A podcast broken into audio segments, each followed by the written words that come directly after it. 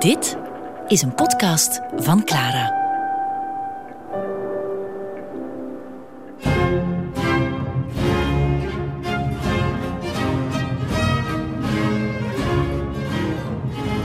De Zonnekoning. Met Johan op de Beek. En we zijn in het jaar 1672. Hoe oud is Louis? Hij is 34. Ja, de fleur van zijn leven natuurlijk. Maar uh, voor we over die fleur uh, verder gaan, moeten we onze blik even wenden naar het noorden. Niet naar onze eigen streken, maar eigenlijk nog een beetje hoger naar het besneeuwde Den Haag.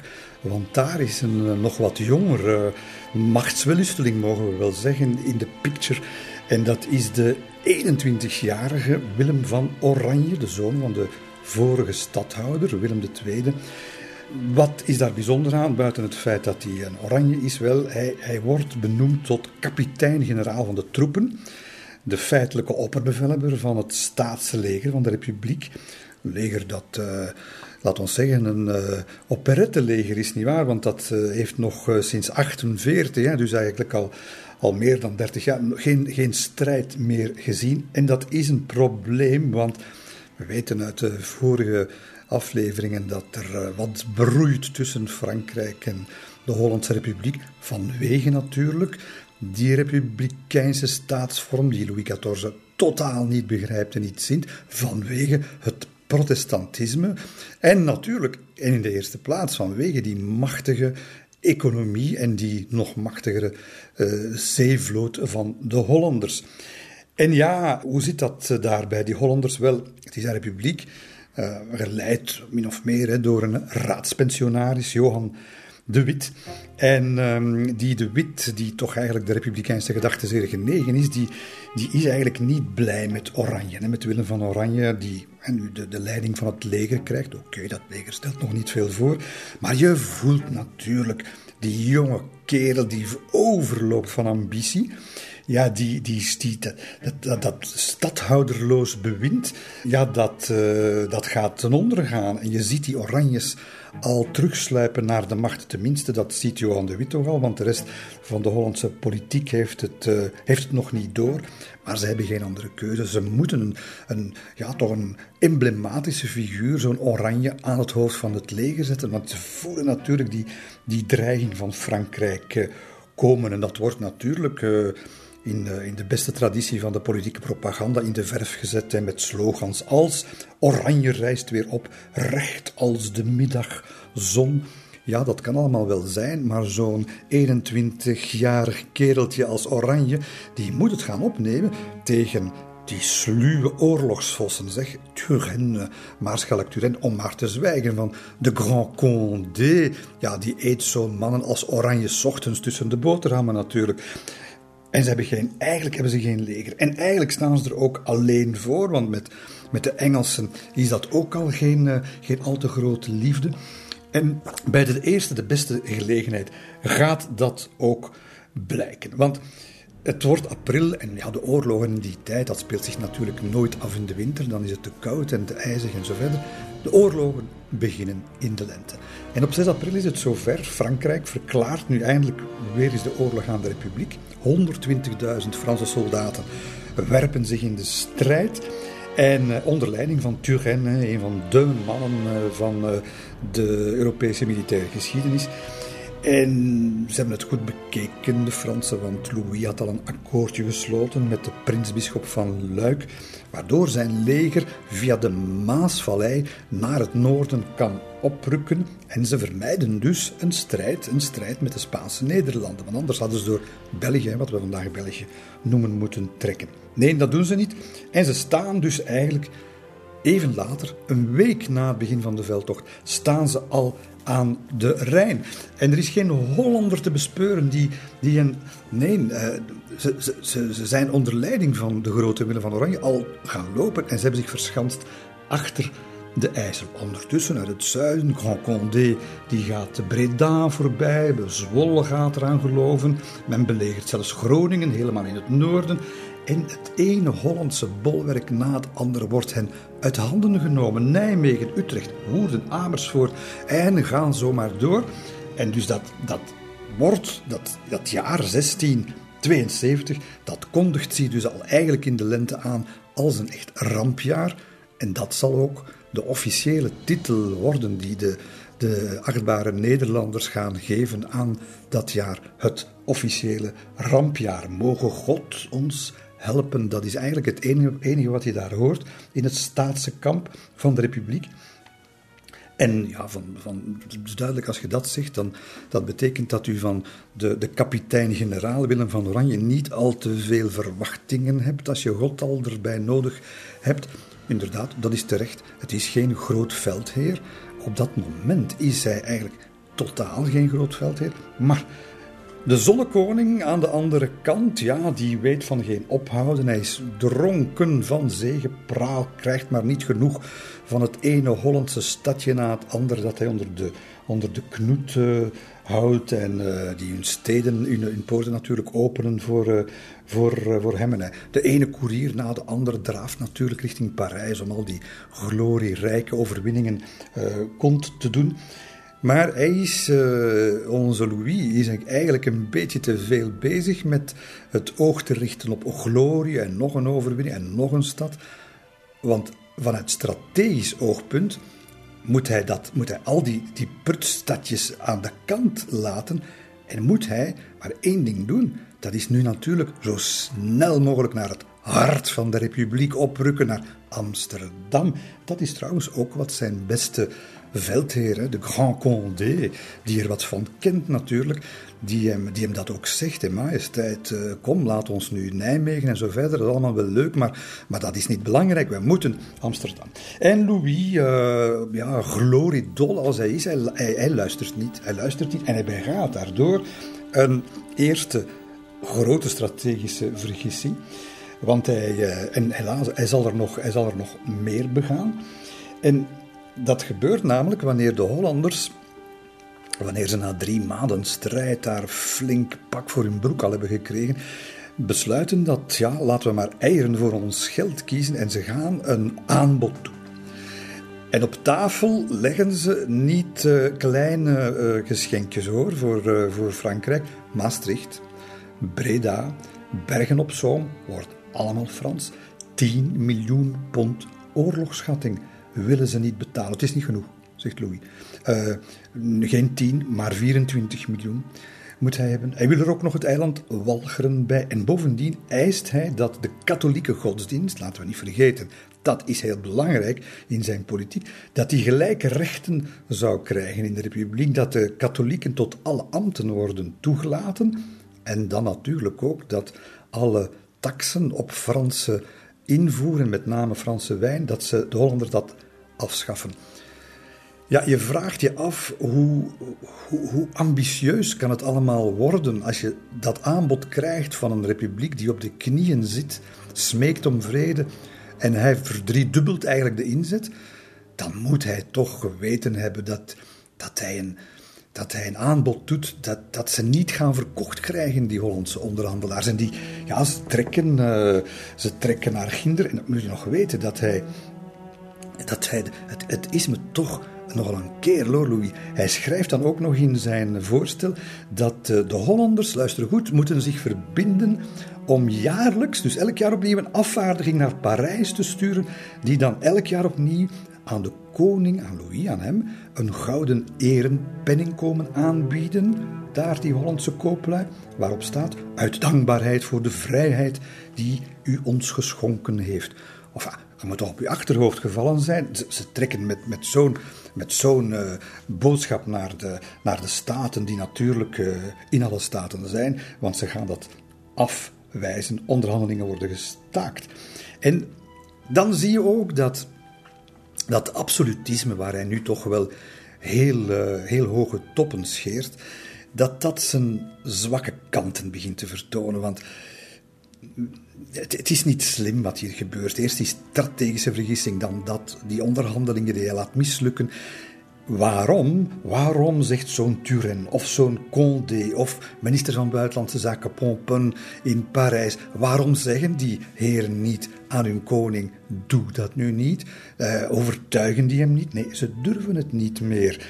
Uh, Louvois, de oorlogsminister, is de kwade geest natuurlijk achter de schermen. Die praat hem verder en verder de oorlogslogica in, ja, dat is waar. Maar daar zijn nog zes andere ministers. En die durven de mond niet meer te openen. Louis, uh, Louis Willis Wet. En dat, dat, ja, dat is gewoon zo. Inderdaad, hij heeft successen opgestapeld. Maar, maar, maar nu moet je al blind zijn om niet te zien dat, dat dit. En wat wil hij eigenlijk bereiken bovendien? Wat is zijn doel? Niemand die het eigenlijk goed weet. En dan, en dan komt in, het, uh, in de zomer op 20 juni de grote ontnuchtering. Want wat blijkt? De Hollanders de Leepaards. Zij hebben hun toevlucht genomen tot een tactiek waarop die Fransen, die natuurlijk dat niet doorhebben wat voor land dat dat is, met al die waterlopen en waterwegen, een tactiek. Ze zijn er niet op bedacht. Het is namelijk het volgende. Uh, Johan de Wit, de raadspensionaris, die gaat het bevel geven om de sluis in de vecht bij Hinderdam open te zetten. Een tiental kilometers landinwaarts eh, van, van Muiden aan de Zuiderzee, dus het huidige IJsselmeer. En de dijken door te steken. En dat dus het water stroomt met, met hectoliters het land in grote poldergebieden komen onder water te staan. En in het Franse hoofdkwartier is, is men plotseling met, met stomheid geslagen, want dat verslagen worden, dat stond al niet in de boeken, maar verslagen worden door water. Wie had dat kunnen denken? Ze hadden er geen benul van. En er wordt dus echt een, een waterlinie gecreëerd door de Republiek. Die loopt van Muiden aan de Zuiderzee tot helemaal onderaan in het zuiden, tot aan Goringem. En dat, dat betekent dus dat het Franse leger kan gewoon niet verder.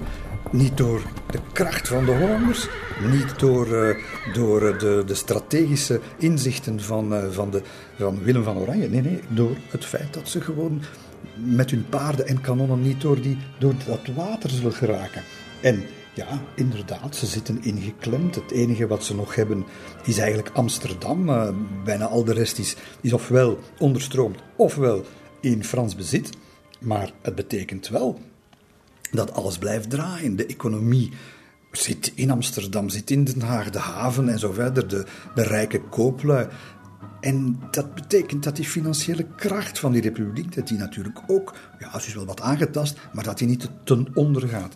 En dus dat duidt er allemaal op dat buiten wat oorlogsbuiten en wat, wat, wat stadjes dat, uh, die, uh, die overrompeld zijn, dat, dat we nog niet direct kunnen spreken van een weergaloze overwinning. Laat staan van een eindoverwinning van Louis XIV. En hij, ja, uh, hij, hij, moet dus toezien hoe dat, ja, dat, dat stukje republiek nog blijft overleven.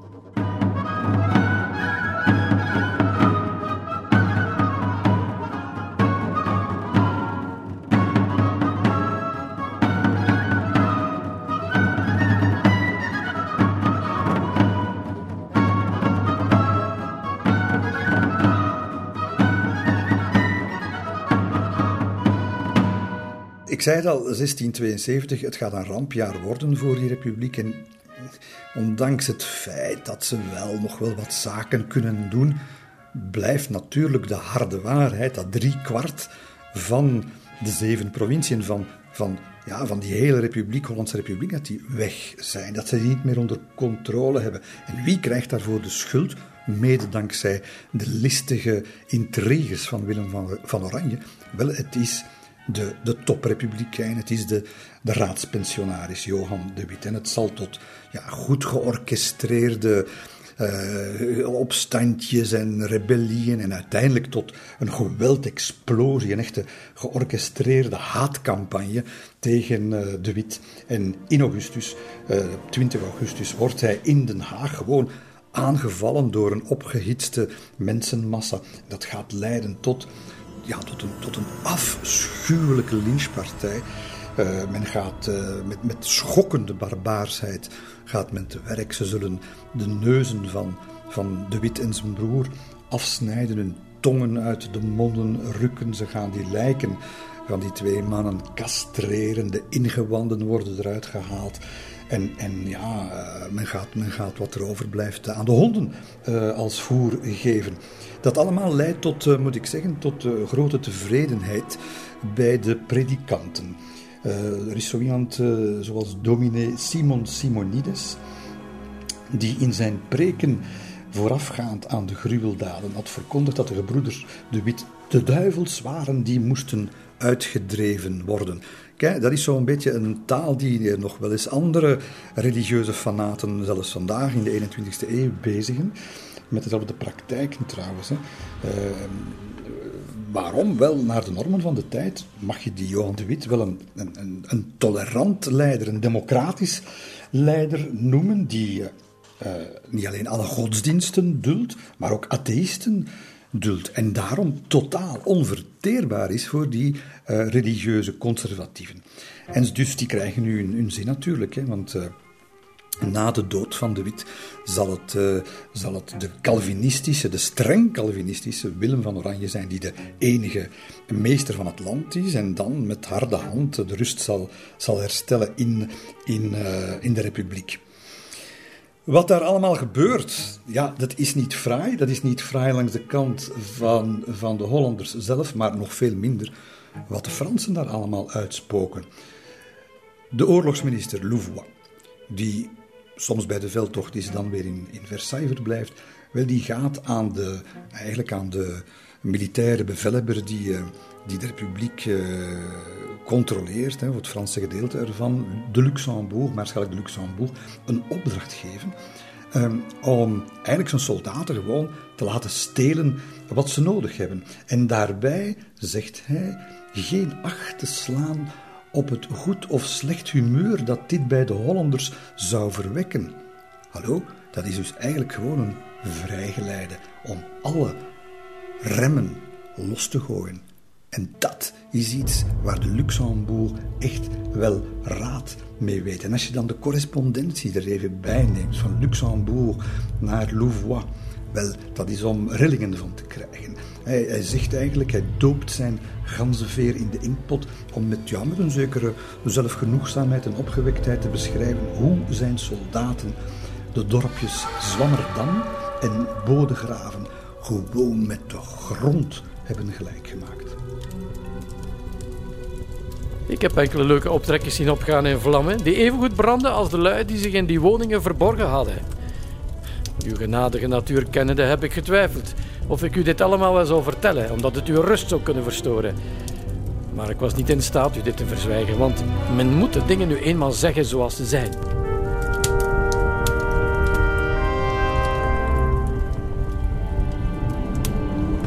Ja, Louvois eh, heeft dat allemaal te lezen gekregen, de gruwel die de troepen daar aanrichten. Louis zelf zal toch wel in grote lijnen op de hoogte geweest zijn van dat toch wel meedogenloze uh, beleid, die echte vernietigingsdrang van uh, de Maarschalk de Luxembourg in Holland. Dat gaat een echte haat uitlokken, een vergissing. Dat is dus eigenlijk al de derde die hij maakt. Een haat die hij on onnodig gaat uh, provoceren en die dus de vastberadenheid om de Fransen partij te geven alleen maar gaat gaat galvaniseren natuurlijk. En niet alleen in, in Holland, maar ook in natuurlijk andere protestantse landen, ook in de Duitse gebieden bijvoorbeeld. Uh, de, de keurvorst van Brandenburg die plotseling in alle staat is. Keizer Leopold in Wenen, nog veel belangrijker, ziet dat, ziet dat allemaal niet graag gebeuren. En plotseling ziet men de zonnekoning niet meer als de, de, de, grote uh, beschermheer, zullen we maar zeggen, van het continent, maar als de grootste bedreiging van het hele decennium. Ja, dus contraproductiever konden ze daar niet geweest zijn. En het is weer eens ja, de koning die over alles beslist. En, en eigenlijk langzamerhand toch wel geïsoleerd geraakt van de werkelijkheid. Want onprettige feiten, zoals die plunderingen en die brandstichtingen, het wordt voor hem wat verborgen gehouden. Ja, waarom? Uit angst voor zijn reactie of, of, of door de drang om hem te behagen. Dat, uh, dat zullen we natuurlijk nooit weten, maar hij grijpt in elk geval niet in. En het gaat maar door. Want in de lente van volgend jaar, 1673, is hij weer helemaal in zijn element. Natuurlijk wil hij weer persoonlijk aan het hoofd van de troepen uh, op gaan treden, uh, weer nieuwe vertes gaan veroveren. En deze keer heeft hij zijn oog gericht op Maastricht. Nog altijd niet gevallen. Maastricht, belangrijke plek, strategisch zeer belangrijk. Um, ja, hij heeft nog Turenne, nog Condé als uh, legersleiders dan in zijn buurt. Die zijn elders aan de slag. Maar hij heeft wel een andere belangrijke expert aan zijn zijde deze keer. En dat is een man met een naam als een klok. Het is Vauban. Vauban is niet de onverschrokken veldheer die uh, aan het hoofd van de troepen de regimenten over de slagvelden laat oprukken. Maar dat is een pinter ingenieur die van uh, belegering een echte wetenschap heeft gemaakt en weet hoe je bolwerken moet bouwen, maar ook hoe je ze kan doen vallen. En dus met, met een echte wiskundige precisie stippelt die Vauban een heel netwerk van loopgraven uit, waardoor elke dag de manschappen dichter bij de stadsmuren geraken, zonder veel verliezen. Ze houdt ze uit het schootsveld van de, van de Hollandse uh, kanonnen en al die muren en forten rond uh, Maastricht vormen dus voor die Vauban absoluut geen onoverkomelijke uh, hindernis. En zo gaan ze, ze gaan eigenlijk Maastricht nou, wat omwegen en sluipwegen, even langs Brussel, wat, wat, links laten liggen uiteindelijk. Maar gaan ze Maastricht plotseling vrij onverwacht belegeren. En je ziet hem al rijden. Uh, je ziet hem al rijden. Uh, Louis, bijna twee weken lang gaat, gaat hij op zijn, zijn witte strijdros langs alle belangrijke Franse schansen en aanvalspunten rond de stad uh, te trappelen. En ja, een verkwikte zonnekoning die het belang van elke aanval natuurlijk met zijn doorluchtige aanwezigheid gaat onderstrepen. En weet je wat, hij had het natuurlijk allemaal al zien aankomen, wat er in Maastricht ging gebeuren. Geen Condé, geen Turenne, geen grote namen die de pluimen op hun hoed konden steken. Nee, maar wat neemt hij wel mee? Wie neemt hij wel mee? Enkele grote bekende kunstenaars en dichters die de opgave krijgen van de Zonnekoning persoonlijk om dat grootste moment van Maastricht uh, te vereeuwigen pour la gloire. En hij heeft zelfs aan uh, zijn propagandaminister Colbert heeft hij gevraagd om er toch zeker genoeg mee te zenden, schilders en, en portretkunstenaars en wat weet ik allemaal. Want, had hij gezegd, want ik denk dat er quelque chose de beau, iets prachtigs, zal te zien zijn. En warempel, dat heeft hij echt goed voorspeld. Geen veertien dagen duurt het of Maastricht, dat o zo strategische bolwerk aan de Maas, gaat vallen. Maar, maar niet zonder dat we een van de charismatische figuren uit de geschiedenis van Frankrijk gaan verliezen. Voor de poorten, voor de Tongerse poort, zal namelijk tijdens de bestorming uh, een man, de nooit verzagende kapitein van de koninklijke garde getroffen worden door een musketkogel in de keel. Wie is die man? Het is kapitein D'Artagnan.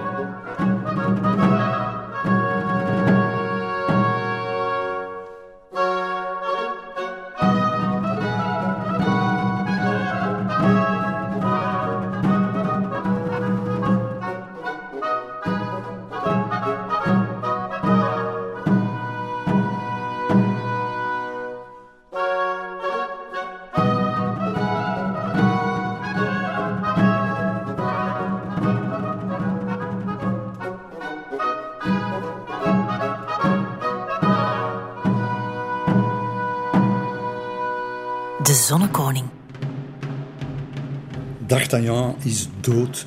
Natuurlijk is hij niet dood. Alexandre Dumas gaat hem weer tot leven wekken. Welke kleine jongen is niet D'Artagnan, zo niet uh, in de tuin, dan toch in zijn hoofd? geweest. En ja, het zal uh, Louis XIV zeker naar het hart gegaan zijn dat hij die trouwe medewerker daar verloren is. Maar, maar er zijn heel andere problemen die hij nu plotseling krijgt. Want het wordt ook nu met Spanje nog maar eens opnieuw oorlog, de zoveelste keer. En ze moeten, ze moeten ja, prijzen betalen. Bon, Utrecht moet worden opgegeven. Het komt tot tegenslagen. En wat merk je? Wel, in het persoonlijke leven van, eh, van de vorst, 34, 35, 36 jaar, wordt, wordt de man nu, ja, de, de oerkracht, de Apollo die alles kon, wordt nu toch stilaan geplaagd door, door wat? Ja, door niet zozeer door de jicht die hier en daar al wat op te spelen, maar vooral door psychische problemen. Eigenaardig, slapeloosheid. Je kan het overdag niet aan zijn gezicht aflezen, maar de oorlog en die gigantische taakstelling die hij zichzelf heeft opgelegd. Alles beheersen, alles zien, alles beslissen. Versailles bouwen, Parijs helemaal hervormen, alles, de wereld hervormen. Het is me wat. En de artsen, je kunt dat nagaan in de zeer gedetailleerde medische verslagen over Louis XIV. Wel, de artsen gewagen van nachtmerries, eh, roepen in zijn slaap. Uh, onrust, uh, veel hoofdpijn, veel klachten van zo'n soort malaise die, zoals een van de dokters het zo mooi uitdrukte, het hart bedrukt en de geest verduistert. Ook spijsverteringsproblemen. Daar zullen we straks nog een boompje over opzetten, want de man heeft de maag van een leeuw en, en de honger van een leeuw, maar dat, dat lichaam verteert dat allemaal niet zo goed. En dan toch eigenaardige symptomen, ademtekort soms, gebrek aan eetlust, terwijl hij dan andere dagen bergen opeet. Een bittere smaak in de mond, is dat iets met de gal, we weten het niet. Uh, soms wat zwakke benen. En, en soms zeggen de dokters, ze schrijven het gewoon letterlijk hè, in, hun, uh, in, hun, in boekjes, tekenen van depressie. Wat is er aan de hand met de zonnekoning? Het is maar een mens, ook al wil hij dat niet geweten hebben, ook al is hij de, de Godgegevene, is hij de man die, die zich een taak heeft op de schouders gelegd, die, uh, die hij moet volbrengen. Ja, alles heeft zijn limieten natuurlijk. En terwijl dat de legers zou toch wel vaak, ja, moet dat zeggen, uh, zegevierend door, door Europa trekken, ja, heb je daar een vorst die, die de eerste tekenen begint te vertonen van een, van een psychisch en, en, en, ik kan niet zeggen moreel, maar zeker psychisch verval en lichtjes uh, lichamelijk verval. Maar och, wie zal daar iets om geven? Wie zal het trouwens zien? Want je moet je dat voorstellen als die duizenden troepen met die vaandels, als die hem daar zien verschijnen, op het strijdtoneel. En dat gebeurt niet zomaar, hè. dat is zoals hij leeft, zoals hij regeert. Dat is een theaterstuk. Als Louis XIV op het strijdtoneel verschijnt, dan staat daar een compleet orkest met Lully aan het hoofd. En dan, dan hoor je die majestaat, die, die, die dat tromgeroffel en die majestatische muziek. Ja, dat kun je mijlenver horen. En dan een gehelmd orkest, ja, dat zijn violisten en zo verder, gambaspelers, maar wel met de helm op, dat moet nogal een zicht geweest zijn. En dan hij op zijn, op zijn paard met die, met die maarschalkstaf in de hand, zoals je hem ziet staan in brons, die waren vlak voor, uh, voor het kasteel van Versailles. Zo hebben ze hem allemaal gezien, die, die soldaten. En dan gaat met een langzame neerwaartse armbeweging van de vorst, en die zijn bevelhebberstaf tot op de ooghoogte laat neerdalen. Dat gaat dan het zijn zijn voor de opening van de vijandelijkheden. En wat krijg je? Dat, dat, dat moet. Je, je kunt dat, je, dat moet een regisseur geweest zijn, hè, Louis.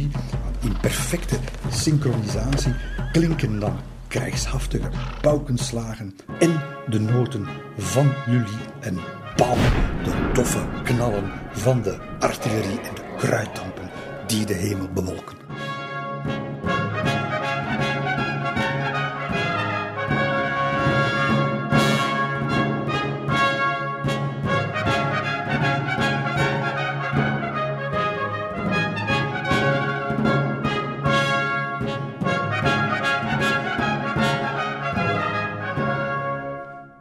Vijf jaar na het begin van de Hollandse Oorlog, 1677, beschikt Frankrijk over het machtigste leger dat Europa gekend heeft sinds de Romeinse periode. Meer dan 220.000 soldaten, alleen al in vredestijd. Absolute superpower. Hij heeft de Europese kaarten grondig herschud oorlog gevoerd, fortuinen zijn uh, verslonden natuurlijk, gebieden zijn van eigenaar veranderd. Maar Frankrijk is wel bijna al zijn bondgenoten kwijt geraakt. Dus het is tijd om toch eens even na te denken, de strijd even te staken en te onderhandelen. En het komt tot diplomatieke gesprekken in Nijmegen tussen de verschillende vorsten. Typisch voor die tijd is trouwens dat er, terwijl er onderhandeld wordt, ook vrolijk wordt verder gevochten. Want je kan ondertussen nog wel hier en daar een stad van de andere inpikken en zo verder. De onderhandelingen wil Louis natuurlijk beslechten vanuit een, uh, in Nijmegen, hè, van, vanuit de sterkste positie op het terrein. Hij gaat daarom nog gauw Gent even innemen, Dendermonde pak je er ook nog bij, Ypres, Valenciennes.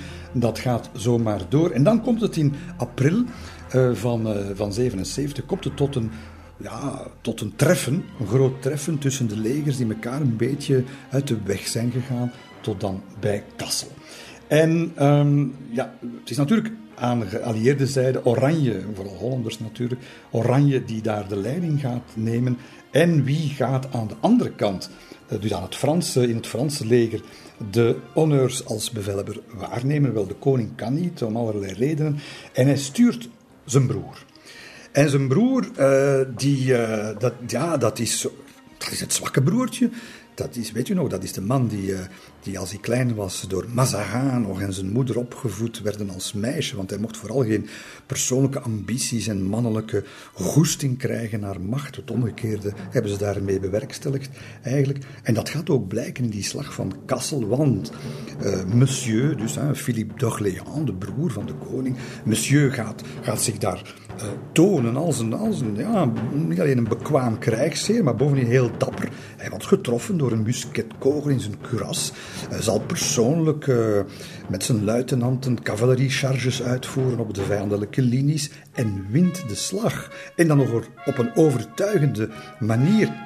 Halt, dat is een prestatie. Dat is een prestatie die bovendien zijn broer nooit voor elkaar heeft gekregen en nooit, nooit voor elkaar zal krijgen tussen haakjes, want hij had daar altijd grote maarschalken voor nodig. En voilà, de Fransen verliezen beperkt. Oranje 8000 man kwijt en een pak 50 vaandels die uh, monsieur uh, zelfs uit het persoonlijke tent van Oranje zal, uh, zal kunnen halen. En dat leidt tot een, een, ja, een enorme roem plotseling voor die, voor die tweede rangsfiguur die in feite was en waar hij zo gefrustreerd over is. langs de kant van de weg, wanneer dat leger terugkomt naar Frankrijk, dan hoor je daar roepen: Leven de koning en leven monsieur qui a gagné la bataille. Aha, dat komt natuurlijk aan de oren van zijn broer de koning en dat leidt tot de zoveelste broederlijke jaloersheid tussen die twee die van elkaar houden, maar tegelijkertijd elkaar het licht in de ogen niet, niet gunnen. En zoals gewoonlijk, Louis is een rancuneus man, dat hebben we al vaak gezien. Hij zal het dus niet kunnen verkroppen. En de feiten gaan voor zich spreken, want monsieur, zijn broer, zal nooit meer aan het hoofd van een legermacht geplaatst worden.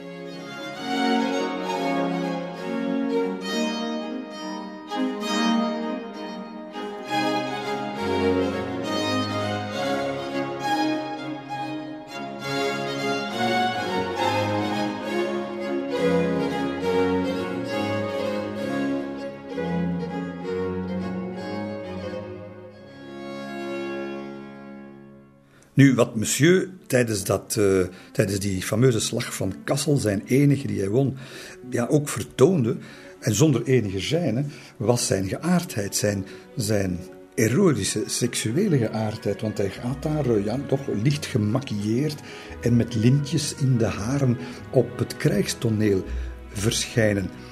Zo verwijfd als maar kan, en toch manhaftig en deskundig.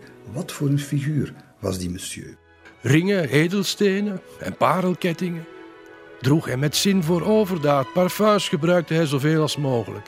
Dat wordt ons prachtig beschreven door toch wel de chroniqueur, de gouden pen van die tijd, de Duc de Saint-Simon, de hertog van Saint-Simon, die met een, ja, met een onverbiddelijkheid, maar ook met veel humor beschrijft wat hij ziet aan het hof. En in alles was hij een toonbeeld van netheid. Men meende zelfs rouge op zijn wangen waar te nemen. En hij leek wel op stelten te lopen vanwege zijn hoge hakken. Philippe d'Orléans, monsieur, zoals zijn officiële titel luidt, de broer van de koning. Ja, dat is iemand die, zoals iedereen aan het hof in Versailles, pruiken op het hoofd zet. Maar met het grote verschil dat uh, zijn pruiken, dat dat uh, vrouwenpruiken zijn, blond, zwart, rood. Het hangt af van zijn stemming, want monsieur is een overtuigde travestiet. En hij was uh, mooi en gratievol natuurlijk, die, uh, die monsieur, zeer in trek bij de beoefenaars van de herenliefde. Uh, bijvoorbeeld hè, zijn, zijn speelvriendje als hij klein is, maar dat wordt later nog wel een intimus eigenlijk, de, de fameuze abbé de Choisy. Die une histoire de l'Église en onze volumes heeft geschreven, maar tegelijkertijd zichzelf ontpopt als Madame de Sancy, want hij is de bekendste travestie van zijn tijd. En ja, hoe het allemaal klaarspeelt, ik weet het niet, maar tegelijkertijd heeft hij zich laten opmerken als een roemrucht vrouwenversierder. Uh, de abbé. En hij heeft in niet mis te verstaande bewoordingen beschreven hoe het allemaal verliep. De opvoeding als, uh, als knaapje, de zijn opvoeding, maar dus die, ook die van monsieur. En hoe ging dat? Men kleedde mij als meisje telkens als monsieur bij ons kwam overnachten, wat twee tot drie maal per week gebeurde. Mijn oorlellen waren doorboord en ik droeg er diamanten in en allerlei andere kleinoden, waaraan men zeer snel wendt en waarvan men zich niet meer kan ontdoen. Monsieur was er gek op. Hij was ten zeerste op mij gesteld. Als hij kwam, werd hij vergezeld door de nichten van Mazarin en soms nog enkele hofdames en meteen werd hij door hen omgekleed en opgedirkt. Men ontdeed hem van zijn justo corps en hees hem in jurken en vrouwenmantels. Aan het woord hoorde u dus eh, Abbé de Choisy, deze geestelijke, die tot zijn tachtigste als vrouw door het leven zal gaan. Uh, uh, net zoals Monsieur, die het ook verkieselijk vindt om uh, het leven te beleven als dame. en hij krijgt daar natuurlijk de gelegenheden te over voor in Versailles. Want laat het nu zo zijn dat ze daar graag al willen zijn gemaskerd bal opvoeren. Ja, dan kan je natuurlijk verkleden, dan kan hij zich goed uitleven, uiteraard. En hoe gaat het er dan aan toe als monsieur op zo'n bal verschijnt? Wel, we weten het van opnieuw Abbé de Choisy. Monsieur zette de dans in met mademoiselle de Brancas, een prachtige dame. En even later verdween hij om zich te gaan omkleden als vrouw. Hij keerde terug met een masker voor het gezicht. Iedereen herkende hem, omdat hij ten eerste geen enkele moeite deed om zich echt te verbergen, en ten tweede omdat aan zijn hand Chevalier de Lorraine liep. Samen met alle andere dames danste hij een menuet, waarna hij te midden van hen plaatsnam. Voordat hij zijn masker afzette, liet hij zich bidden om dat te doen. Maar eigenlijk wilde hij niets liever dan gezien en herkend worden. Onmogelijk te zeggen hoezeer hij de grenzen van het koketteren opzocht. Zo was hij bezig met zichzelf te bekijken, het tâche de beauté te plaatsen of te verplaatsen. Maar misschien was ik nog erger.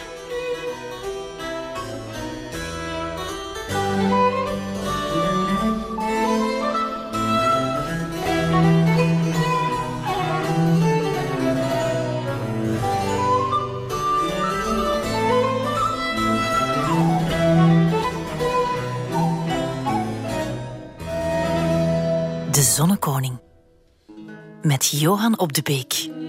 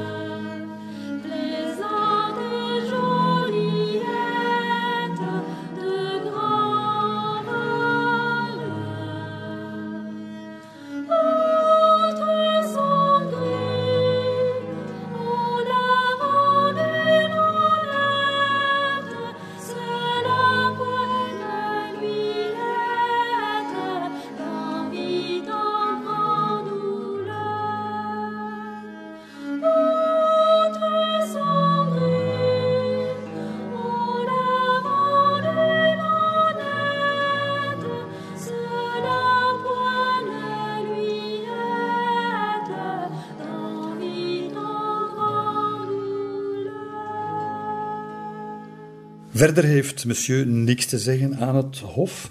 Uh, mag eigenlijk wel blij zijn, want zijn broer Louis heeft, heeft nooit een onvertogen woord gezegd over zijn, uh, zijn uh, drang naar, naar vrouwenkledij. Kon zich daar gerust uitleven, maar niet natuurlijk als het over politiek gaat. En ondanks het feit dat hij natuurlijk notoire homofiel is, zal hij verplicht worden door Louis om een politiek huwelijk te sluiten. Niet één, maar verschillende trouwens. Want zijn eerste vrouw, uh, de, de, dochter van de Engelse koning Henrietta, uh, die zal vroeg sterven, in verdachte omstandigheden trouwens. Zal dat uh, huwelijk, uh, naar dat huwelijk toe moeten stappen, monsieur oppijpend als een varken dat naar de slacht geleid wordt. Maar uh, ze zal sterven, zoals ik zei, en, en dan zal hij moeten, opnieuw van zijn broer, moeten trouwen met een andere dame. En dat is toch wel ook een van de grote pennen van de, van de 17e eeuw. Een, een vrouw met een een, een, onafhankelijke geest, met een, een, ja, een beetje een voorloper misschien ook van de verlichtingsgeest.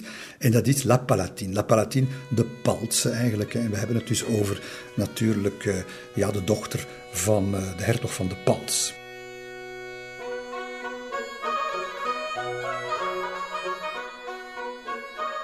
Wat voor huwelijk gaat dat worden? Een huwelijk waar Louis XIV soms een punthoofd van uh, zal krijgen. Want het, het, gaat natuurlijk niet goed hè, als u zo'n rondborstige Beierse met uh, zin in het leven en in de man uh, binnenloodst in het leven van een hof waar men, laten we zeggen, de Italiaanse zonde, zoals men toen zei, welig beoefent. Um, ja, monsieur is, hoe moeten dat zeggen, is de nicht par excellence. En zij gaat daar moeten mee leren leven. Hè. Ze zal dat doen uh, met, met vallen en opstaan. Ze gaan, ze gaan lang samen zijn, Lieselot van de Pels en uh, Monsieur. Uh, ze gaat er zich bij neerleggen, maar ze zal zich heel moeilijk kunnen neerleggen bij het bestaan van wat men noemt de mignons. Hè. Mignons, dat zijn die ja, kereltjes die voortdurend uh, in de gunst en vooral in het bed van haar man willen belanden. Ehm, en hij verkwanselt daar vooral eigenlijk zijn bezittingen aan en ook haar bezittingen. Haar zilverwerk dat ze mee heeft genomen uit de pals. Hij laat het omsmelten en hij laat het dan uitdelen aan die mignons. En men voert dan maar, uh, ja, gewoon elke dag wil hij wel eens een nieuw kereltje uitproberen.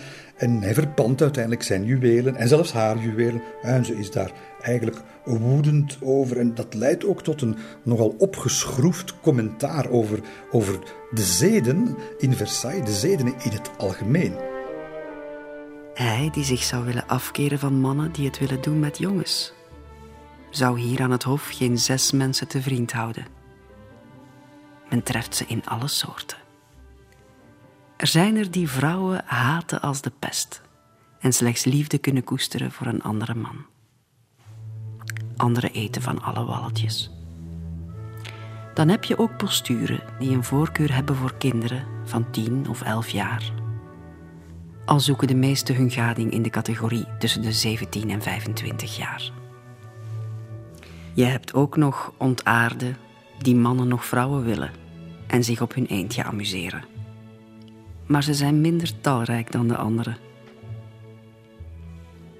Verder kennen we hier enkele personages die ontucht plegen met alles waar ze de hand op kunnen leggen. Zowel mensen als dieren. Ja, La Palatine veroordeelt niet, maar ze vindt toch wel dat die uh, betrokken mannen uh, hypocriet zijn. Hè, als ze hun levenswandel, die in haar ogen natuurlijk onmogelijk is, uh, zomaar kunnen verzoenen met, met de officiële leer van de kerk. Want wat zegt ze? Terwijl ze toch geloofden in de Heilige Schrift, konden ze hun zonde vergoelijken omdat ze zich in het hoofd hadden gehaald dat dit gedrag alleen zondig was geweest toen de aarde nog niet bevolkt was. Om de gewone mensen niet te choqueren, zwijgen ze hierover, om hen niet te kwetsen. Maar onder Jean de Qualité spreekt men er openlijk over. Hm. Het hoort volgens hen bij het gedrag van een echte Heer. Ze beweren dat onze Heer sinds Sodom en Gomorra geen mens meer gestraft heeft om deze reden. Ik zei al, Louis XIV zelf stoort zich daar eigenlijk niet zo aan. Je moet weten dat in die tijd, als gewone burger je voor homoseksualiteit uh, aan de brandstaak gaat, uh, gaat plaats kunnen nemen.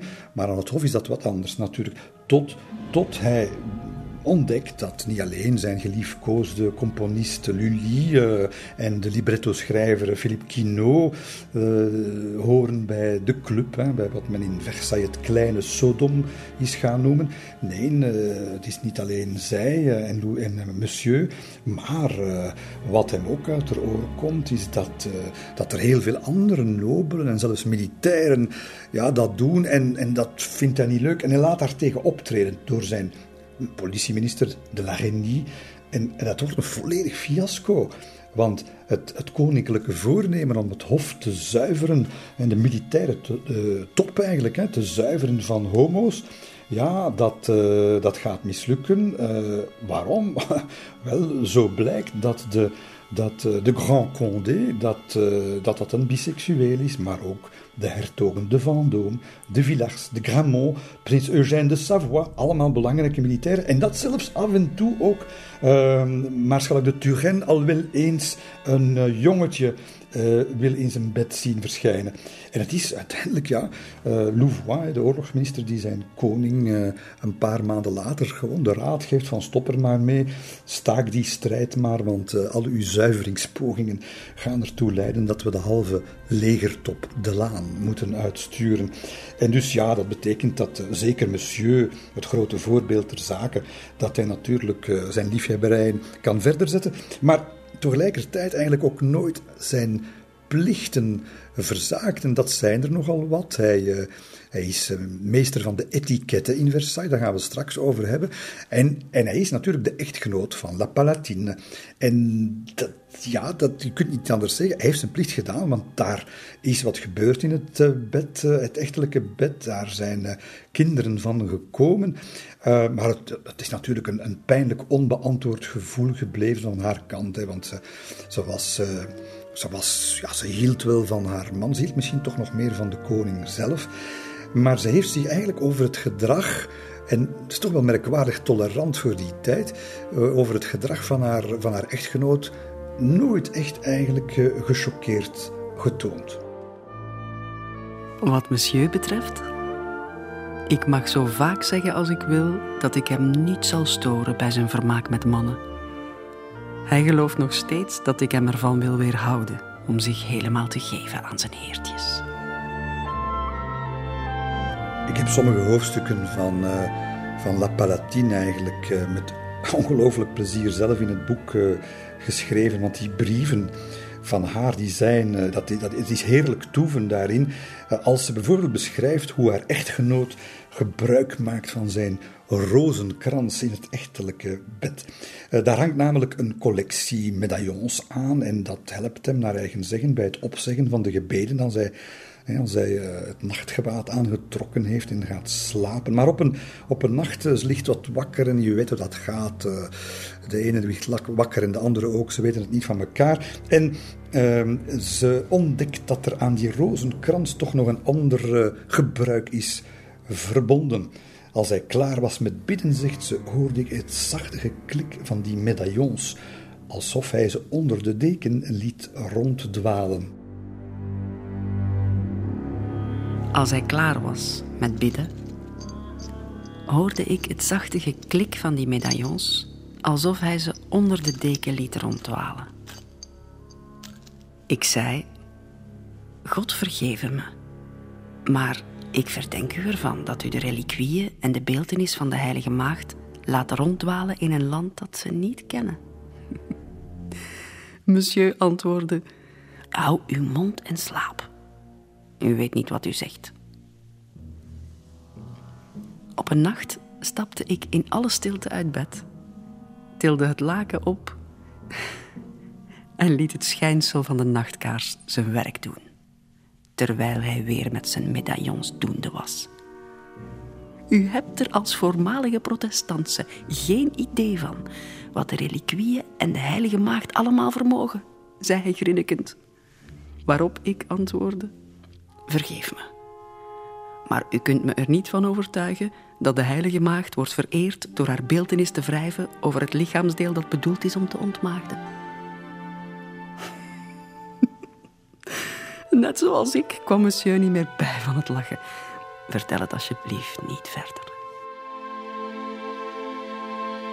Het zijn me nogal passages in die brieven van La, La Palatine, maar je moet er ook uit concluderen dat ze elkaar, uh, monsieur en La Palatine, man en vrouw, ondanks al die problemen en ja, verschillende geaardheden, dat ze elkaar graag hadden en dat ze er ook om konden lachen. En dat is natuurlijk de remedie in, in elk koppel dat je kan relativeren. Um, en ze gaan op een bepaald moment, het nakomelingschap is verzekerd trouwens, en dan zal... Uh, Vanaf 1676 trouwens zal monsieur uh, definitief in een ander bed, in een andere kamer gaan slapen. En dat is eigenlijk een ontwikkeling die La Palatine nog niet eens zo slecht vindt. Toen zijn tederheid in mijn bed sliep, moest ik vaak op de rand van het bed liggen. En wel zodanig dat ik er een paar keer slapend uitgevallen ben. Want zijn tederheid kon niet verdragen dat ik hem aanraakte. En als het me dan toch overkwam dat ik in mijn slaap mijn been strekte en hem beroerde, dan maakte hij me wakker en bleef soms een half uur zeuren.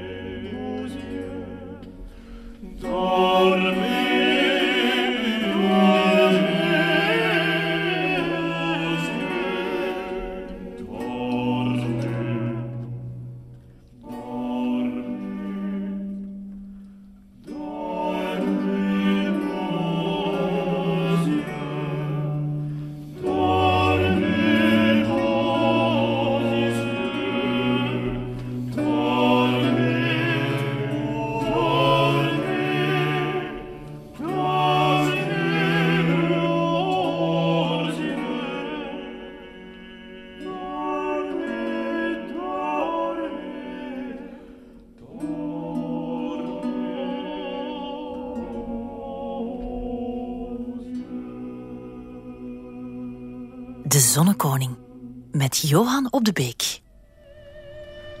Sire, voilà l'heure. We zijn terug in Versailles en met name in de Chambre du Roi tussen half acht en half negen ochtends. Votre Majesté a-t-elle bien reposé cette nuit? S'est-elle échauffée? Désire-t-elle qu'on la frotte? Merci, Daquin. Vous pouvez m'ausculter. J'ai mal dormi. Ceremonie en de ceremonie van het ontwaken. Dat is de eerste ceremonie van een hele reeks waaruit de dag van de koning zal eh, samengesteld zijn en waar trouwens alle activiteiten van heel Versailles hun middelpunt zullen vinden. Hij wordt gewekt door zijn eerste lakij. En dat gaat, die eerste uh, plechtigheid eigenlijk, dat gaat een uur duren. En dat zal bestaan, die zal bestaan uit zes minutieus opeenvolgende entrées, zoals men noemt, in de chambre du roi, of de koninklijke slaapkamer. Het weten, dat is een heilige plek, hè, de koninklijke slaapkamer. Zelfs als Louis XIV niet in Versailles is en daar loopt iemand voorbij, moet iemand door die kamer stappen, dan knielt men. Hè, dan knielt men voor het bed. Maar men knielt natuurlijk zeker als hij in het bed ligt. Uh, dat moeten niet de eerste doen, want de eerste entrée, dat is de petite entrée, of de entrée par derrière. Dus ergens van achter een, een, een spiegelglazen glazen deur verschijnt dan de eerste lakij met een paar dokters en zo. En ze gaan het koninklijke lichaam wassen. Votre Majesté jouit d'une santé parfaite depuis deux mois. Faites malgré tout courir le bruit des variations de ma santé, Daquin. Dan zal er iemand komen die uh, langs de petite entrée ook komt. En dat, uh, dat, is, dat kunnen een van de kinderen zijn van Louis, waar hij iets belangrijks wil aan vertellen. Dat mag ook wel eens een gewone sterveling zijn. Zo, maar dat betekent wel een heel belangrijke. Zoals Ardouin Mansart, de architect van Versailles. Dat zegt boekdelen over de status van die man, dat hij mocht bij zo'n petite entrée binnenkomen. En dan komen de serieuze zaken, dan komen de grands entrées, en dat zijn de dignitarissen, de hoogste hofdignitarissen, de grootkamerheer, de grootmeester van de garderobe. Uh, en die gaan met uh, uiterste zin voor protocol uh, en zorgvuldigheid gaan zij een aantal taken verrichten. Ze gaan eerst voorbij de balustrade stappen, die dus het bed scheidt van de rest van de kamer, brengt het gewijde water, waarmee de vorst kruis slaat, het boek van de Orde van de Heilige Geest, waaruit Louis elke dag een paar regels declameert. Pas dan, pas dan stapt de koning uit zijn bed, begeeft zich door het poortje in de balustrade naar zijn fauteuil, goudversierde fauteuil. En daar uh, wacht hij op de pruik die vanuit een aanpalende kamer zal worden aangedragen. Uh, we weten dat uh, het haar van die pruiken dat dat van bij ons afkomstig was uit Vlaanderen of Holland, want daar groeiden toen blijkbaar vele licht zilveren teinten zo die je in Frankrijk moeilijker aantrof en hij wilde dat graag op zijn hoofd hebben. En niet één pruik, want je gaat, je gaat natuurlijk zweten onder die pruik. Of je wil al eens een andere uh, plechtigheid bijwonen. En dan uh, wordt er een andere pruik opgezet. En dat zal ertoe leiden dat je toch wel minstens zes, soms zeven pruiken per dag op het koninklijke hoofd ziet verschijnen. We zijn nog altijd maar aan de première entrée, dus uh, er komt nog het een en het ander, want dan moet je natuurlijk ook nog de kapitein van de koninklijke lijfwacht uh, ontvangen, de beheerder van de centen moet nog eens binnenkomen, de maître d'hôtel niet te, niet te versmaden, die over het eten van smiddags en s'avonds gaat. En we zullen zien, dat is geen klein bier, die maaltijden. Dan, uh, dan gebeurt er iets zeer belangrijks, dan komen de cousins du roi binnen, de prinsen van de bloeden, soms met een aantal andere belangrijke personages. En die mogen dan meemaken hoe de koning zal plaatsnemen op zijn chaise percée, met andere woorden, de wc. En daar zijn behoefte doet. En dat is een grote eer als u daar getuig mag van zijn. Hè? Want dat is, dat is, dit is niet zomaar een, een, het is een aangelegenheid die bijna goddelijk is. Het plonsen van het koninklijke brons in het water. De stoelgang wordt onmiddellijk gecontroleerd door de dokters, omdat is even aan. Ze ruiken daar eens even aan, ze kijken daar eens even aan. En we zijn nog altijd niet ontwaakt, want pas nu Na al de, we zijn een uur verder en pas nu zal de vorst officieel ontwaken bij de Grand Levé. En dat zal zich niet meer in de chambre zelf afspelen, maar in het Salon du Roi, net ernaast. Salon du Roi, dat is eigenlijk de, de zaal die rechtstreeks gaat toegang uh, verleden tot de fameuze Galerie des Glaces, de Spiegelzaal. En zowel de deelnemers aan de petits entrées als die van de grands entrées, die mogen dan in de voetsporen van de koning treden mee dat, uh, dat Salon du Roi binnenschrijden, waar dan een heel gevolg zijn opwachting maakt. En dat zijn wat, wat ja, allerlei lui hoor, ministers zijn dat, maarschalken, kardinalen, prinsen, hertogen, ambassadeurs, soms al eens een belangrijke, ja, diepe buiging uiteraard. En dan gaan ja, naar schatting toch die 100, 150 mensen die daar staan.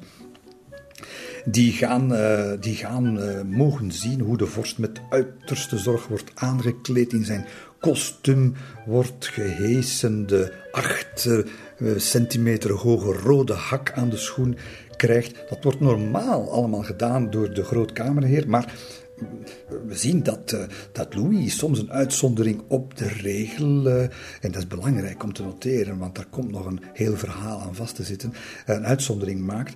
Uh, want hij gaat, als hij, zijn, als hij zijn waardering wil uitdrukken, en dat is uiterst belangrijk wat er nu gaat gebeuren, als hij zijn waardering wil uitdrukken voor de ene of de andere, meestal is dat toch beperkt tot een familielied, wel dan zal hij misschien even zeggen aan die grootkamerheer, ik heb u niet nodig, en dan mag dat familielied de kleding aantrekken. Dus de, de, de, de koning zijn hemd uh, aantrekken en, en, en zijn jassen over zijn schouders hangen. Dat is een lepe truc van Louis, want hij maakt op die manier al meteen van, van bij het officiële ontwaken duidelijk dat er in Versailles heel strikte regels zijn en dat je die regels moet respecteren. Maar dat er één man is die ten allen tijde die regels niet alleen bepaalt, maar ook kan veranderen als het hem goed uitkomt. En dat is hij en hij alleen. En als je dan in, binnen dat strikte kader de taak, de gunst krijgt om zoiets te mogen doen, dan betekent dat dat je het neusje van de zalm bent. Messieurs, le roi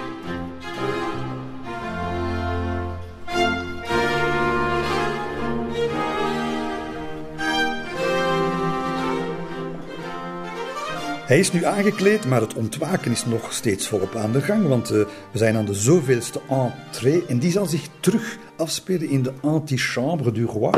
En wie komt daar? Dat zijn allemaal hovelingen die de dag ervoor speciaal door de koning persoonlijk geselecteerd zijn. Ik denken, als je daarbij bent, dat is het een en het ander. Want je hebt daar iets heel uitzonderlijks. Je hebt daar direct contact met de vorst. Daar worden natuurlijk belangrijke zaken besproken, gunsten afgesmeekt en dergelijke meer. Dus als je daarbij mag zijn, dan, uh, ja, dan, dan, dan, dan ben je in de hemel. En wie er niet bij mag zijn, ja, die overvalt natuurlijk het pijnlijke besef dat men dringend wat moet ondernemen om, om de aandacht van de koning te krijgen. Dat is precies wat hij wil. Hè. Hij wil dat, en het gaat natuurlijk om de adel weer. Het is een, politiek, een politieke daad die hier gesteld wordt. Hij wil natuurlijk dat men voortdurend hengelt naar gunsten, naar een aanwezigheid. En dat, dat gaat zich, ja, dat gaat zich in, zeer vreemde spektakels uiten, uh, waarover later meer. De ontwaking van de vorst is al een beetje verder nu, want wanneer hij uiteindelijk aangekleed is, al die entrees zijn achter de rug, dan mag de dag beginnen. Hoe beginnen we de dag? Met de mis natuurlijk. En hoe gaan we daar naartoe? Wel, men moet zich natuurlijk vanuit de antichambre, ondertussen zijn we met een 150, 170 man, nietwaar, die daar allemaal op elkaar geprankt staan. En hij schrijdt dan natuurlijk als eerste de fameuze, de grandioze spiegelzaal binnen. We zien het voor onze ogen, want van de andere kant van de spiegelzaal komt als een chronometer zo goed geregeld is dat allemaal. Komt daar natuurlijk het eh, gevolg van de koningin met op kop eh, de vorstin en ze vinden elkaar in het midden van de Galerie des Glaces. En dan stappen ze natuurlijk richting Chapelle Royale voor de mis. Wel nu, dat is een tochtje van een, wat zeggen, een, een 100 meter, meer is dat niet, maar daar kunnen ze wel een uurtje over doen. Want u moet zich voorstellen, die hele Galerie des Glaces staat vol. Dat zijn allemaal hovelingen en mensen die iets moeten gedaan krijgen. Messieurs, je vous écoute.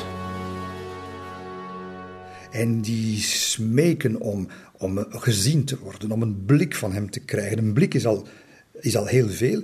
Een woord is natuurlijk een oneindig geschenk.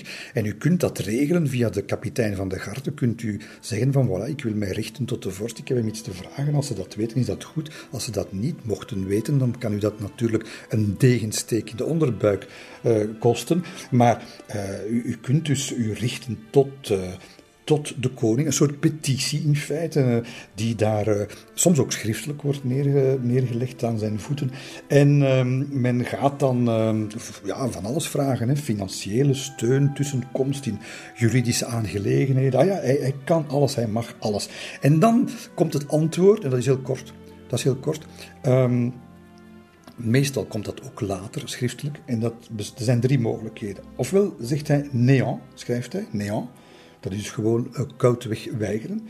Uh, het kan natuurlijk ook uh, een blijde boodschap zijn. Accordé, dat is fantastisch. Maar dat is zeer zeldzaam. Want meestal is het, is het een toezegging die wat dubbelzinnig is. Dan staat er: Le roi y fera considération. Dat is het vaagste, maar helaas ook het meest voorkomende antwoord, want Louis houdt er natuurlijk niet van om voortijdig gunsten uit te delen aan lui die in zijn ogen nog een onvoldoende bijdrage hebben geleverd aan het algemeen belang, aan La France en aan de koninklijke glorie in het bijzonder.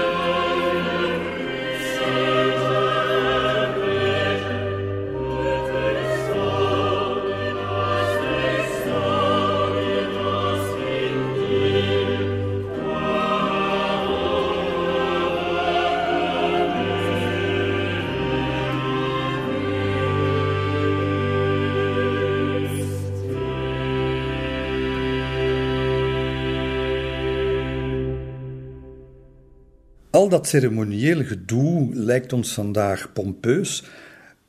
Het was misschien ook pompeus, maar het was niet de bedoeling om de dikke nek uit te hangen, nietwaar? Nee, dit was zeer goed politiek doordacht. Theater natuurlijk. De klok rond zorgt hij ervoor dat de hofadel, vergeten we niet waar we vandaan komen. We komen van een machtige adel die de monarchie bijna gekielhaald heeft en die hij wil knechten. Decennium na decennium zal hem dat lukken in Versailles en dat wordt niet meer de adel, nee, dat wordt de hofadel die zich voortdurend wil en moet ophouden rond de figuur van de koning, waar ze dus niet langer meer kunnen doen wat ze willen. En politieke macht in Versailles gaan ze natuurlijk nooit uh, hebben, want de koning gaat heel handig inspelen op hun eergevoel, op hun drang naar bevestiging en hun drang naar maatschappelijke status. Want je moet je goed voorstellen, Versailles is dankzij die inspanningen van al die kunstenaars, die leiding, die visie van Louis zelf. Versailles is natuurlijk het centrum van beschaving geworden. Daar worden de normen gezet. Daar leer je hoe je je gedraagt. Daar leert men le bon mot. Daar weet men hoe men een conversatie voert, hoe men van gedachten wisselt. Dit is, het, dit is het centrum van de wereld en je moet daarbij zijn. En dat is het geniaal van het systeem. Uh, Louis XIV, dat hij daarin slaagt om zoiets uh, op poten te zetten. En bovendien, het is, het is straf hoor wat hij doet, want hij haalt al die edelen naar daar. Maar ja, dan kun je je wel voorstellen dat Versailles, als je dat niet goed in de hand houdt, dat dat binnen de kortste keren natuurlijk een broeinest wordt, waar al die edelen en ja, een soort krachtenbundeling kan ontstaan, waar ze, waar ze kunnen van gebruik maken om hem te, te dwarsbomen. Wel, hij houdt de regie constant uh, in handen. Kan daar rekenen op zijn politiechef, dat is waar, want er is een cabinet noir, hè, die elk, elk briefje wordt onderschept, gelezen, gekopieerd, soms vervalst. En uh, de eeuwige chroniqueur van het Hof, Saint-Simon, die, uh, die heeft dat ook zelf meegemaakt, want zijn brieven werden bij voorkeur gelezen. Hij was een criticus en hij weet precies te vertellen hoe het allemaal in zijn werk gaat. De koning las alle uittreksels van brieven waarvan de minister het nodig oordeelde dat hij ze onder ogen kreeg. Of soms de brieven in hun geheel, afhankelijk van het belang van de auteurs ervan. Een misprijzend woord over de koning of de regering, een spotternij, was voldoende om zonder enige moeite of huiszoeking een intrigue de kop in te drukken. Dus je laat eens een onvertogen woord vallen, uh, ver weg van de koning, maar die komt dat te weten en dan plotseling, ja, dan val je in ongenade. En, en de betrokkenen hebben er dan geen flauw benul van hoe dat is gekomen, want aan de koning zelf, je, je, je kan er nooit aan aflezen wat hij denkt en vooral of hij het doorheeft. Zijn geheim was ondoorgrondelijk. Nooit heeft de koning op een goedkopere manier controle kunnen uitoefenen dan door zijn ondoorgrondelijke stilzwijgen en verheimelijking. Dat laatste talent maakte hem soms vals, maar liegen deed hij niet. En een gegeven woord hield hij altijd. Hij gaf zijn woord dan ook zelden. Wat zijn zoal de systemen die uh, Louis XIV uh, bedacht daar in Versailles? Wel, eerst en vooral is er natuurlijk de, ja, de gewone, zal ik maar zeggen, maatschappelijke rangorde binnen de adellijke stand. Adellijke families, familiehoofden worden gerangschikt volgens anciëniteit en pairschap. Uh, maar hij gaat daar toch ook wel een zegje in, in hebben. Uh, dat kan soms eens een plaatje verschillen wat je, dat, dat je krijgt op de, op de, op de piekorde. En dan, en dan ontstaat er onmiddellijk bij de, bij de edellieden een, een, een grote commotie. Dat is een grote rimpeling die door Versailles trekt. Sommigen, eh, sommigen vinden dat ze dan uh, achteruit worden gesteld. En als je achteruit kan worden gesteld, kan je ook naar voren worden geschoven. En dan moet je van alles doen om die vorst te behagen. Maarschalk de Luxembourg bijvoorbeeld was zo iemand die plotseling uh, in de gunst valt. En dan gaat Saint-Simon, de, de, de hertog, in al zijn verbolgenheid daartegen te keren. Want als er iets is waar een hertog niet tegen kan, dan is dat de natuurlijke rangorde der dingen wordt verstoord. Maarschalk de Luxembourg is trots op zijn successen en het applaus dat hij van iedereen kreeg voor zijn overwinningen. En hij dacht dat hij sterk genoeg stond om op te klimmen van de achttiende plaats in anciëniteit, die hij onder Père innam, tot de tweede plaats, vlak achter Monsieur Duzès. Nog veel doeltreffender dan de het gebruik en het gemanipuleren van de adellijke rangorde, uh, dat is natuurlijk het verlenen van gunsten of het intrekken van gunsten. Dus als hoveling uh, weet u wat, wat u te doen staat. Hè. U moet gewoon zorgen dat u bij de koning in de gunst staat. En, en dat kan, dat kan zeer, zeer belangrijk zijn, want aan het hof leeft men eigenlijk ja, buitenproportioneel. De kosten die je maakt het, aan het Hof van Versailles zijn gigantisch. Waarom geef je veel uit? Wel, omdat Versailles, we zeiden het al, is, het centrum van de beschaving. Dus je moet dat tonen. Status is, is uiterst belangrijk. Belachelijk zijn is een, en je bent heel snel belachelijk in Versailles, is een ramp. En dus je gaat sommen fortuinen worden uitgegeven, kledij, juwelen, pruiken, bedienden, voertuigen. En, en ja, dus het is duidelijk dat die, dat die edelen uh, zich aan het ruïneren zijn daar in Versailles. Want ze gaan zich ook elke avond tonen, moeten tonen, willen tonen. Uh, wanneer uh, de, de koning zijn appartementen uh, openstelt, er gefeest wordt. Gefeest wordt, dat wil zeggen, er wordt gespeeld, kan spelen. En sommigen slagen erin om zich daar gewoon arm te spelen. alleen, maar, alleen maar om te laten zien hoe rijk ze zijn, hoe rijk ze waren in feite. En als je daar wegblijft, als je wegblijft op die, op die soirées, dan word je gezien als een, als een sukkel. Dan word je gezien als een loser. Dat is, het, dat een ramp, want dat betekent dat je, dat je er niet meer bij hoort en zo verder. Ja, als je geruineerd wordt als, uh, als graaf of hertog of zo, dan is er natuurlijk nog slechts één adres waar je kan gaan aankloppen om van de totale ondergang gered te worden. En wie is dat? Het is natuurlijk weer de koning die dan een of andere som uit zijn kluis haalt en je, en je het. Met als resultaat, hij bezit je. Hij heeft je helemaal in de klauwen nu. En ook dat is dus die, die manier van, ja, van, van met geld om te gaan en met dat, dat statusgegeven om te gaan, is ook weer opnieuw een manier om die verknechting, die langzame verknechting van die adel, om die te bewerkstelligen. De veelvuldige feesten, de private wandelingen in de tuinen, de reizen. Het waren allemaal middelen die de koning gebruikte om mensen te onderscheiden of te verwerpen. Door hen bij die gelegenheden al dan niet uit te nodigen en op die wijze horig te maken en voortdurend bereid om zich naar zijn wensen te plooien.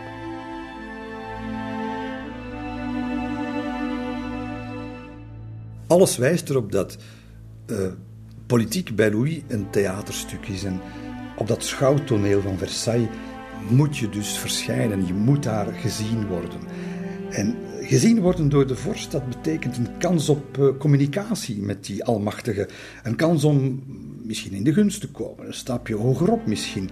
En Louis zorgt ervoor dat de hovelingen dat beseffen en dat, uh, en dat heel goed opmerken. En het is Saint-Simon hertog de Saint-Simon, die ons dat weer eens beschrijft. Al bij de Grand Levé keek hij van links naar rechts, net zoals bij het slapen gaan, de maaltijd, bij het wandelen door zijn vertrekken. In de tuinen van Versailles, waar alleen de leden van het Hof het recht hadden om hem te volgen. Niemand ontsnapte aan zijn aandacht, zelfs niet degene die daar geen hoop op kon stellen. Ja, natuurlijk. Groot is de consternatie natuurlijk wanneer de koning dan inderdaad iemand aanspreekt of iemand een kort een hoofdknikje toezendt. Aha, hier eh, is een carrière-stap op komst, misschien zelfs fortuin in de maak. Maar het omgekeerde kan u natuurlijk ook overkomen wie naar de mening van de vorst een blunder heeft begaan hè, of, of, niet uh, in het gareel loopt, die kan dat merken aan zijn ogen. Uh, we hebben daar meer dan één, één tijdgenoot over die daarover getuigt. Hè, want dan zijn, zijn, is ijskoud, die blik die houdt je dan even in zijn greep. om, je, om je duidelijk te maken dat, dat, je, dat je misstap niet, niet vergeten is.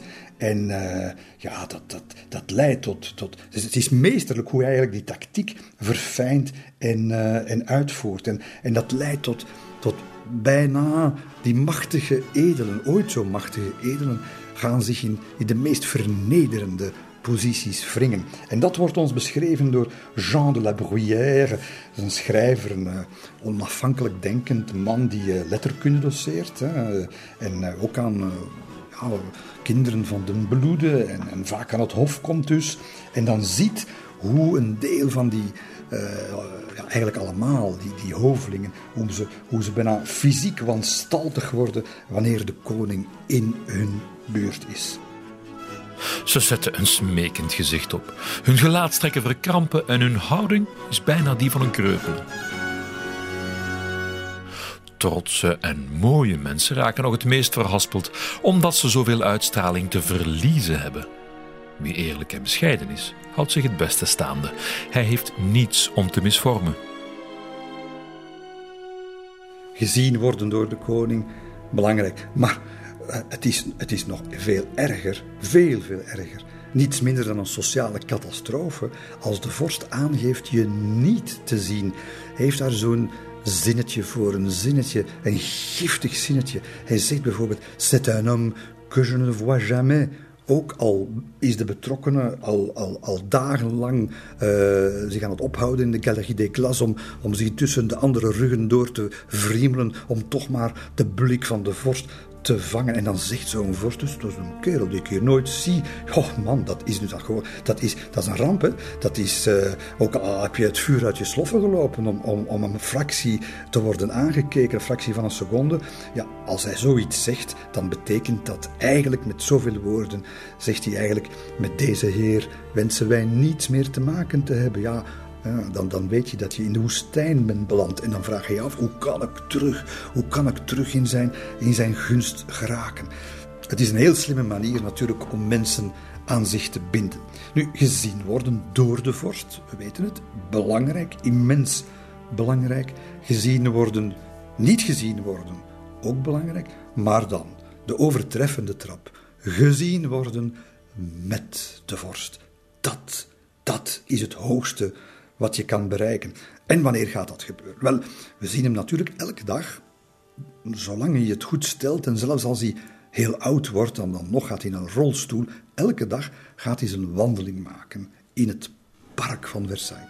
Dat fantastische park waar hij die persoonlijke handleiding van hoe moet je dat park bezoeken over heeft geschreven. En we zien hem lopen, hij op kop, zijn lijf wachten twee meter achter hem. Daarna een select groepje van belangrijke mensen die een tiental meter afstand moeten bewaren. Maar af en toe, uh, af en toe, dat kan wel eens één of twee keer per week zijn, duldt hij het gezelschap naast zich. Naast zich, kun je dat voorstellen. Naast zich van een of andere uitverkorene.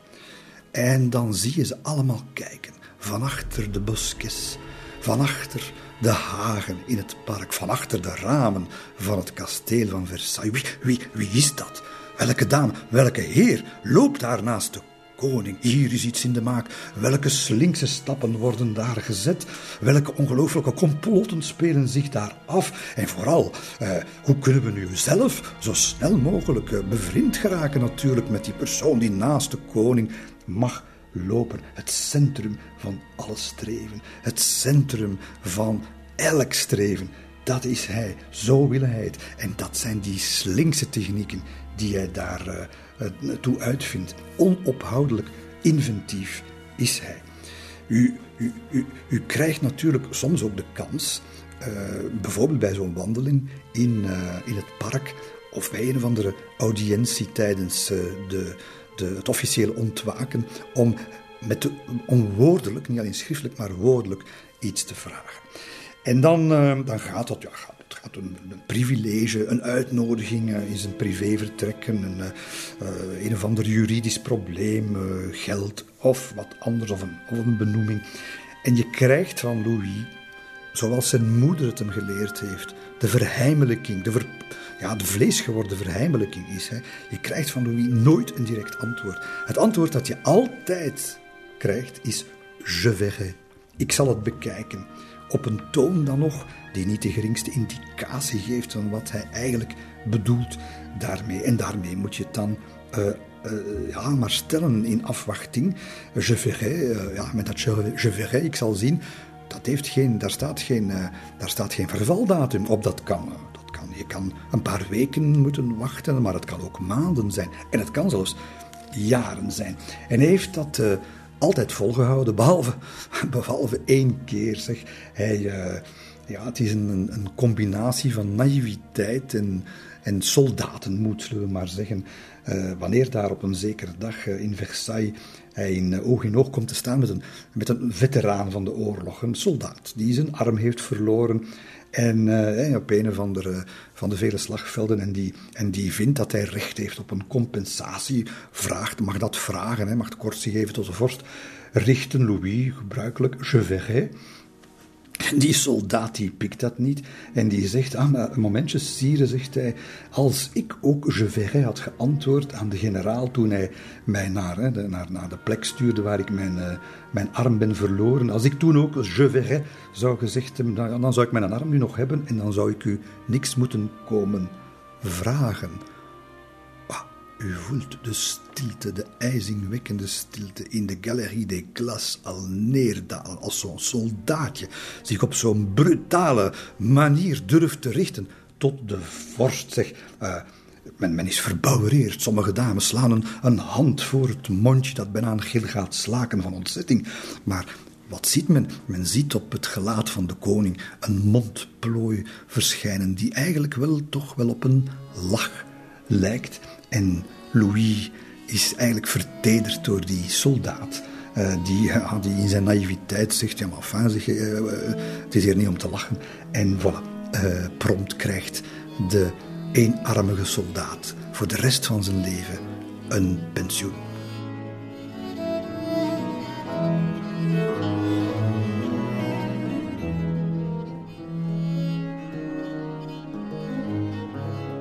Je kunt je er natuurlijk niet over verwonderen dat een, een, een vorst die op die manier regeert en, en zijn onderdaan, of de, de adel eigenlijk uh, ja, in, de, in de tang heeft, dat dat een man is zonder vrienden.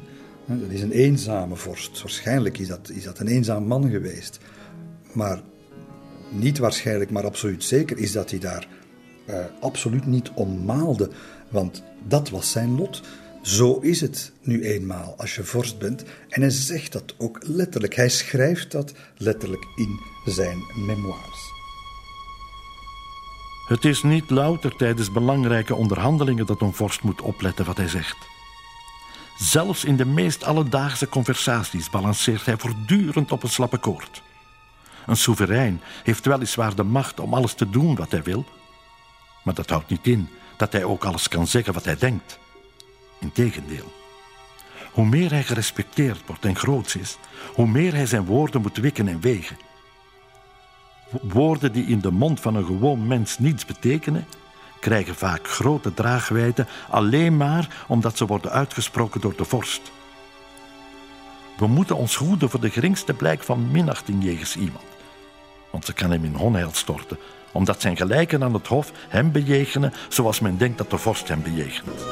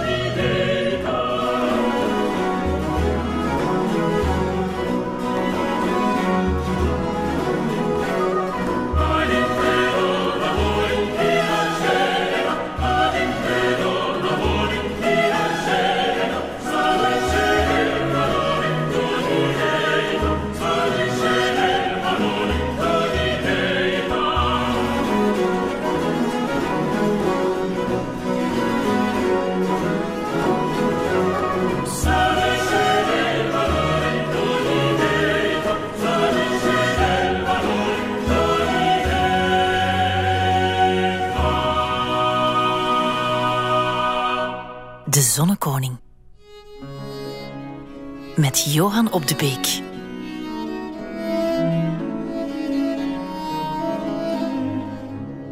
Wat is Versailles? Ja, het is een collectie van edellieden, eh, maar onzekere, angstige, onderworpen edellieden die je alleen kunnen overleven als ze in de gunst blijven staan. En om dat te kunnen doen, want dat is heel een moeilijke opgave, die taakstelling kan wel tellen.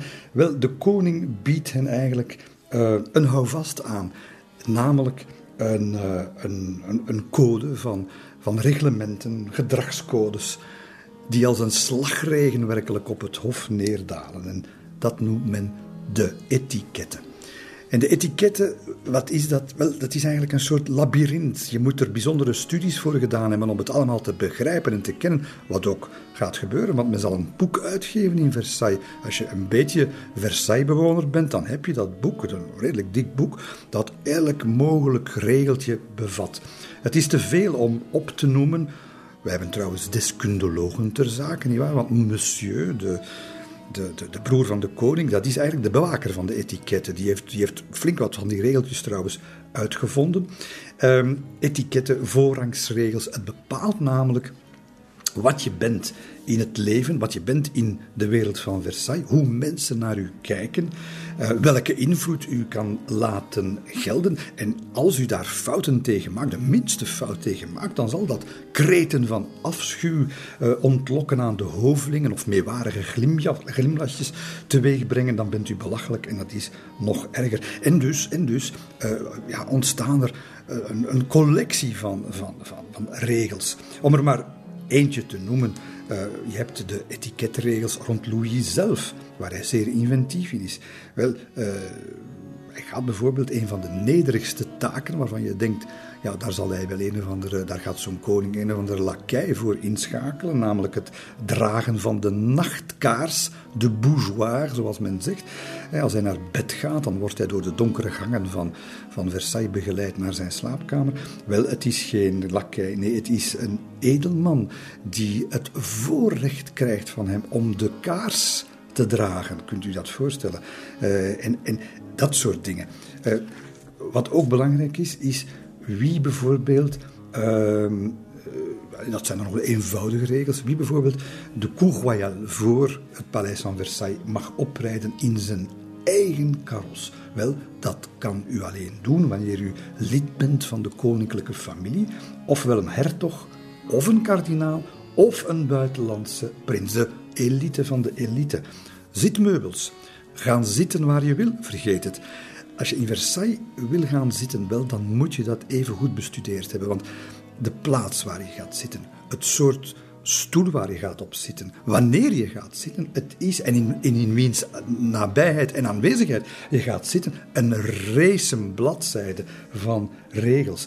Wanneer de vorst eet, wat je dan doet en wat je dan niet doet. En dat soort dingen allemaal, die maken natuurlijk dat, dat je voortdurend met die regels bezig bent en dat je voortdurend natuurlijk in dat corset dat de vorst rond dat hof prangt, dat je, daar, dat je daarin leeft. En het soort mensen, het soort mensen dat daaruit gaat ontstaan, wel, dat is een soort mensen dat uh, misschien te beklagen valt, zeker niet te benijden valt, maar in elk geval uh, waarvan het morele gehalte, dat kruiperige, dat voortdurend uh, trachten om elkaar een, een, een, hak te zetten ook natuurlijk, om, om toch maar beter te staan met de vorst of, of met iemand die goed staat met de vorst, wel, dat morele gehalte van, van die hovelingen is verschrikkelijk.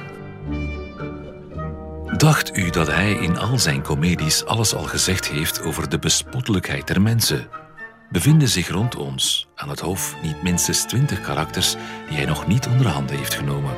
Zijn daar bijvoorbeeld niet de luidjes die de diepste vriendschap ter wereld voorwenden en die, wanneer ze elkaar de rug toegedraaid hebben, hun vrienden galant aan stukken scheuren?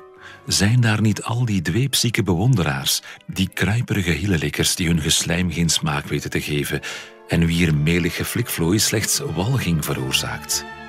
Heeft hij niet die laffe strevers naar gunst, die perfide najagers van fortuin, die u ophemelen wanneer het u goed gaat en u te neerdrukken als u uit de gratie geraakt bent? Heeft hij niet de immer misnoegde hoveling, de nutteloze volger, het vervelende Pietje precies, al die lui die nooit wat nuttigs verrichten en die als enige verdienste hebben dat ze de koning al jaren lastigvallen?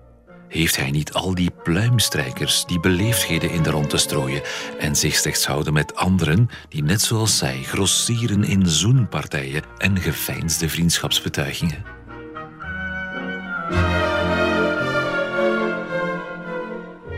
Ja, wie u daar aan het woord hoort, is niemand minder dan Molière in L'Impromptu de Versailles, een uh, één acter waarin hij echt dat, uh, dat hypocriete van Versailles aan de kaak stelt.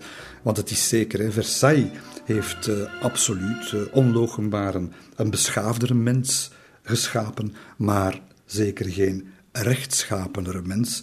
En ja, dat is een, dat is een, een, een manier van leven waar bijvoorbeeld zo'n zo'n schoonzus van, van Louis XIV, La Palatine, het ook moeilijk mee heeft. Hè. Ze zegt dat ook. Hè. Het hofleven zegt, ze heeft de bijzondere eigenschap dat zij die eraan gewend zijn, geen andere levensstijl meer kunnen verdragen. Zelfs diegenen die er erg onder lijden.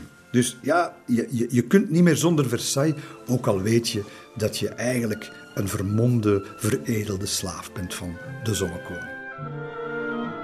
Sinds ik hier ben, zie ik zoveel boosaardigheid dat ik zou menen in een paradijs te zijn beland als ik op een plek zou belanden waar geen valsheid heerst. Waar de leugen niet wordt aangemoedigd en goedgekeurd, zoals aan dit hof.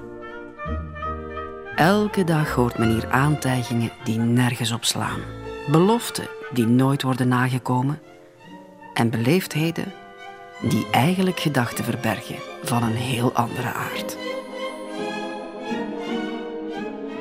Wie niet aangetast wil worden door de intriges en de galanterieën, moet op zijn eentje gaan wonen. Maar ja, dan verveel je je dood.